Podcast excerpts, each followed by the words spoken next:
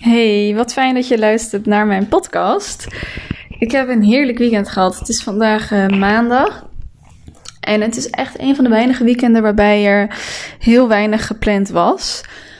Um, en waarbij ik echt weer van die taakjes heb kunnen doen waar je normaal niet aan toe komt. Dus weer wat lampen in huis opgehangen, de droger aangesloten, lekker boodschappen gedaan. Althans, die had ik besteld. En vooral gewoon het eten voorbereid voor de aankomende week. En dat geeft mij heel erg veel rust om de week ook weer lekker te starten. En nou ja, vooral op de maandagochtend niet te gaan starten vanuit stress. Maar echt gewoon vanuit die rust. En um, dat is iets wat ik de afgelopen tijd ook best wel gemist heb. Ik ben best wel doorgegaan in uh, alles wat er te doen was. En um, af en toe wel wat me-time momentjes in proberen te plannen. Maar ik merkte dat ik daar iets meer behoefte aan had. En ook weer um, samen met mijn vriend. Hij is namelijk recent gestart met een nieuwe baan. Dus er kwam ook weer wat meer op mijn schouders. Met het wegbrengen van de L naar de opvang. Terwijl hij dat voorheen allemaal deed. En onze hond die dan ook nog natuurlijk dagelijks uh, een paar keer per dag uit moet. Dus um, dat was weer gewoon echt even een moment waarin je samen weer uitgedaagd wordt om daar weer een goede balans in te vinden die voor ons allebei prettig aanvoelt. En ik denk dat we hem nu wel redelijk weer gevonden hebben. Dus dat is heel erg fijn. En dat is eigenlijk gelijk in het verlengde met het onderwerp waar ik vandaag wat meer over wil vertellen. Namelijk het inplannen van een CEO-dag. En dit soort dingen wat ik net vertelde, dat staat voor mij ook echt in lijn met verantwoordelijkheid en leiding nemen over je eigen leven. Want ik kan natuurlijk door blijven gaan met oké, ik ga vanuit stress en in de ochtend is het gehaast. Dat is wat ik ook heel vaak terug zie en hoor vanuit andere ondernemers of vanuit, nou ja, überhaupt niet eens per se ondernemers, maar eigenlijk vanuit gezinnen. Van hè, het is altijd gehaast in de ochtend, want de kinderen moeten aangekleed naar school en naar werk. En dat vind ik zo zonde, want die ochtend is heel erg bepalend voor de rest van je dag en voor je gemoedstoestand. Hè? Dus als je in zo'n red race letterlijk zit, dan heb je zelf de verantwoordelijkheid te nemen om dat aan te passen. En zeker als je ondernemer bent, heb je dat natuurlijk op meerdere vlakken in je bedrijf te doen. Hè? De verantwoordelijkheid nemen over hoe jij je leven en je bedrijf invult. Dus zulke dingen, wat ik, wat ik net aangaf, voor mij is het heel erg belangrijk om daar ook naar te gaan kijken van hé, hey, maar hoe kan ik dat nou inrichten zodat het een stuk relaxter gaat op zo'n maandagochtend? Um, dus ik reflecteer daarop. Ik kijk van hé, hey, maar hoe kan het nou dat ik die ochtenden zo gehaast start? Wat doet dat voor de rest van de dag met mijn gevoel, met mijn gemoedstoestand? En wat kan ik daaraan doen om dat de volgende keer anders te doen? Nou, voor mij werkt het dus heel erg goed om op vrijdag al mijn boodschappen te bestellen voor de zondag, zodat ik gewoon voor de week alles uh, al in huis heb. Dat ik op zondagavond ook even een moment pak om te bekijken van hé, hey, wat staat er deze week allemaal in mijn agenda? Wat voor kleine dingen kan ik nu al doen, zodat mij dat morgen minder tijd en ruimte en headspace kost zodat ik vandaag dus op de maandag echt goed kan starten met de dingen die efficiënt zijn en die bijdragen aan meer productiviteit en bedrijfsresultaat. En um, dat maakt dat ik vandaag ontzettend relaxed ben gestart. Omdat um, nou, mijn vriend en ik hadden het gewoon goed verdeeld. Ik heb daar goed duidelijk over gecommuniceerd. We hebben duidelijk allebei aangegeven waar wij behoefte aan hebben. Wat voor ons allebei belangrijk is om de week en de dag goed te starten. We hebben een goede taakverdeling opgesteld. En daar houden we ons gewoon aan. Want we respecteren allebei wat we daarin nodig hebben.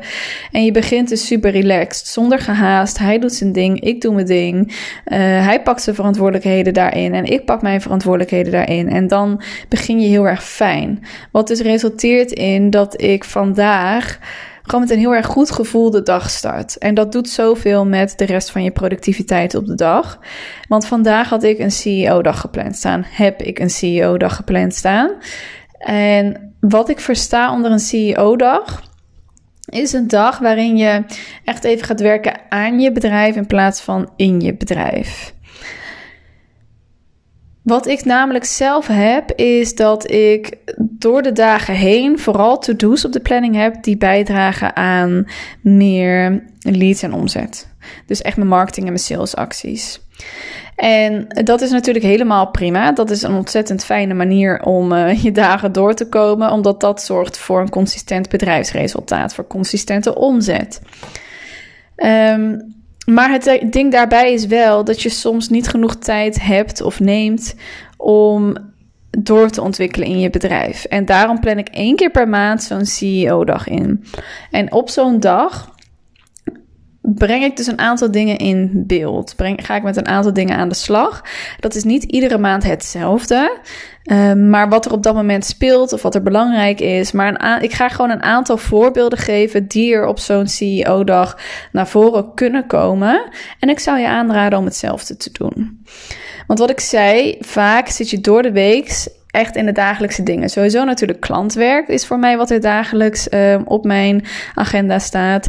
Kennismaking calls, match calls, coach calls. Um, ik werk op dit moment drie dagen in de week, want ik heb twee mama-dagen. Vanaf de volgende maand, vanaf november, gaat dat veranderen. Dan heb ik een extra dag. Maar dat betekent dat ik heel erg kritisch ben op mijn tijd. Dus als ik natuurlijk al klantwerk heb en zoveel calls in de week, dan komt er niet heel erg veel tijd meer vrij voor overige dingen in mijn bedrijf. Want de rest van de tijd vul ik met name op voor het creëren van content en voor het uitvoeren van mijn actieve marketing en salesacties. Um, dus alles wat ik op die dagen niet kan doen, dat plan ik in mijn CEO-dag. Dat kan de ene keer zijn dat ik echt aan de slag ga met een stuk langetermijn content, bijvoorbeeld. Dus op dit moment wordt mijn website opnieuw gebouwd en zijn er gewoon echt nieuwe stukken marketing- en communicatieteksten nodig. Uh, nou ja, nodig. Dat wil ik zelf heel erg graag, omdat er veel veranderd is in mijn bedrijf. En um, ja, bij een nieuwe website horen voor mij nieuwe teksten. Dus dat zijn dingen waar ik in het dagelijks leven niet aan toe kom of op mijn dagelijkse werkdagen. Dus dat plan ik bijvoorbeeld vandaag op mijn CEO-dag. Dus dat is wat ik bedoel met langetermijn content. Um, lange termijn to-do's misschien wel. Maar wat ook belangrijk is in zo'n, op zo'n dag, is om vooral even naar een financieel stuk te gaan kijken. Dus hey, wat is mijn omzet de afgelopen maand geweest? Ben ik daar tevreden mee of niet? Ik werk daar zelf mee met mijn high impact plan. En mijn high impact plan is voor mij een zelf opgesteld plan waarmee mijn klanten ook werken, waarbij ik concreet maandelijks bij, of eigenlijk dagelijks, wekelijks bijhoud welke acties ik nou doe om mijn omzet te halen. Dus op die CEO-dag ga ik ook kijken van... hey, heb ik mijn omzet van de afgelopen maand gehaald? Of net maar, het is maar net wanneer in de maand mijn CEO-dag is. Loop ik op dit moment op schema? Um, zo niet, kan ik dat high impact plan erbij pakken... om te kijken van, hé, hey, maar waar ligt dat dan aan? Um, zowel, nou ja, dan weet ik natuurlijk van... oké, ik lig op schema, maar ook dan kijk ik natuurlijk nog steeds naar de acties die ik gedaan heb. Want dan is er natuurlijk nog steeds meer efficiëntie uit te halen en meer conversie uit te halen. En dan kan ik heel erg goed gaan meten waar ligt dat nou aan. Ligt dat aan dat ik genoeg salesgesprekken heb gehad? Ligt dat aan dat mijn conversie hoog genoeg is? Kan ik de volgende maand dan um, mijn gaan focussen op het verhogen van mijn conversie? Of kan ik de volgende maand gaan focussen op het verhogen van het aantal salesgesprekken? Nou, en door dat in kaart te brengen, kan je dus heel erg met kleine verstappen, met kleine veranderingen, grote resultaten teweeg brengen. Dus dat stuk financieel, maar ook, hey, lig ik op schema voor mijn jaaromzet, voor mijn jaardoel? Uh, waardoor wel, waardoor niet? Um, wat voor investeringen heb ik afgelopen jaar gedaan? Uh, wat heeft het mij opgeleverd? Wat zijn nog dingen die ik zou kunnen um, doen qua investering? Wat heb ik nog nodig? En als je dit allemaal in kaart brengt, dan kan je ook veel concretere uh, beslissingen nemen met waar je in wilt investeren. Omdat er natuurlijk op zoveel vlakken te investeren valt. Uh, maar door in kaart te brengen van hé, hey, hier heb ik afgelopen jaar al in geïnvesteerd. Dit heeft het mij opgeleverd. Um, door echt te gaan kijken van, hey, wat is de conversie vanuit mijn bedrijf? Kan je ook veel concreter gaan kijken, oh, het ligt echt heel erg aan mijn conversie in mijn salesgesprekken. Het ligt aan dat ik misschien niet met een bedrijfsstrategie werk. Het ligt aan dat ik te veel vanuit gevoel of vanuit toeval doe. Dan mag ik gaan investeren in marketing en business coaching. Um, ligt het eraan dat mijn conversie hoger mag, dan mag ik gaan kijken naar wat meer sales skills. Um, ligt het eraan dat ik heel veel tijd kwijt ben aan klantwerk of eigenlijk dingen die geautomatiseerd kunnen worden. Zijn, zijn dat dingen waar je daarin mag gaan investeren. Dus het geeft veel meer rust en overzicht om dit soort dingen in kaart te gaan brengen één keer per maand. En daar vervolgens natuurlijk ook echt wat mee te gaan doen. Um, dus echt op een financieel stuk kan je natuurlijk gaan kijken van... hé, hey, waar kan ik in gaan optimaliseren en hoe kan ik daarin... Uh, welke hulp heb ik daarvoor nodig? Ehm, daarin lijn ligt natuurlijk ook weer het stukje bedrijfsoptimalisatie. Dus wat ik net zei, ehm, kan ik dingen gaan automatiseren? Zijn er dingen die ik moet gaan uitbesteden? Moet ik mijn team uit gaan breiden? Ehm, wat heb ik nodig om van A naar B te komen? Maar ook weer even een stuk kijken, in plaats van alleen nieuwe klantvisie, ook te gaan kijken: hey, hoe kan ik mijn huidige klanten nou nog beter helpen? Um, op dit moment heb ik bijvoorbeeld voor mijn één op één klant een online omgeving met um, kennis en tools die zij die hun verder kunnen helpen met bijvoorbeeld een copywriting training of een sales script.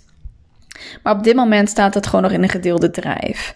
Dat was voor het moment dat ik dat ontwikkelde, was het prima, omdat ik zat op een stukje tijd.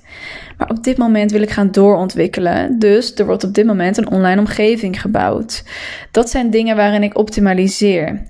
Nu al die content in de online omgeving staat, wil ik natuurlijk ook gaan kijken hoe kan ik daarin het stukje beleving gaan toevoegen. Hoe kan ik daarin gaan optimaliseren, zodat het voor mijn klanten dat ze er nog meer resultaat uit kunnen halen. Dat ze ook nog meer getriggerd worden om daarmee aan de slag te gaan. Hoe kan ik het nog meer gestroomlijnd gaan maken? Door bijvoorbeeld verbindende teksten toe te voegen. Nou, dat zijn allemaal dingen die je op zo'n CEO-dag kunt, uh, in kaart kunt gaan brengen. En vanuit daar nog eventuele acties kunt gaan inplannen in je agenda.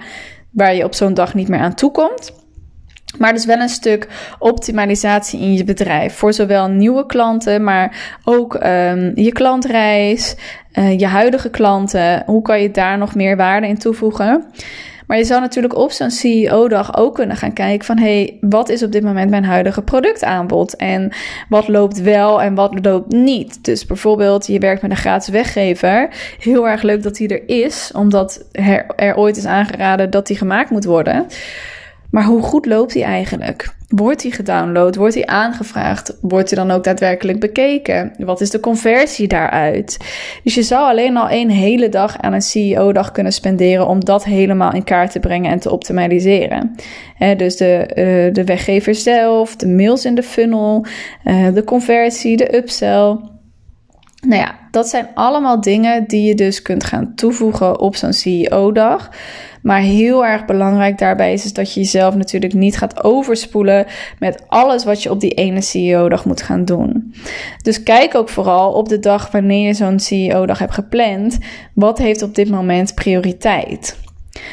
Um, heb je op dit moment je voldoende omzet, maar te weinig tijd, dan mag je echt gaan kijken van oké, wat kan ik gaan doen qua automatisering of qua uitbesteden? Heb je op dit moment te weinig omzet, uh, maar wel genoeg uh, leads bijvoorbeeld, dan is er een te waarschijnlijk een te lage conversie. Dus dan mag je gaan kijken hoe kan ik dat gaan aanpassen.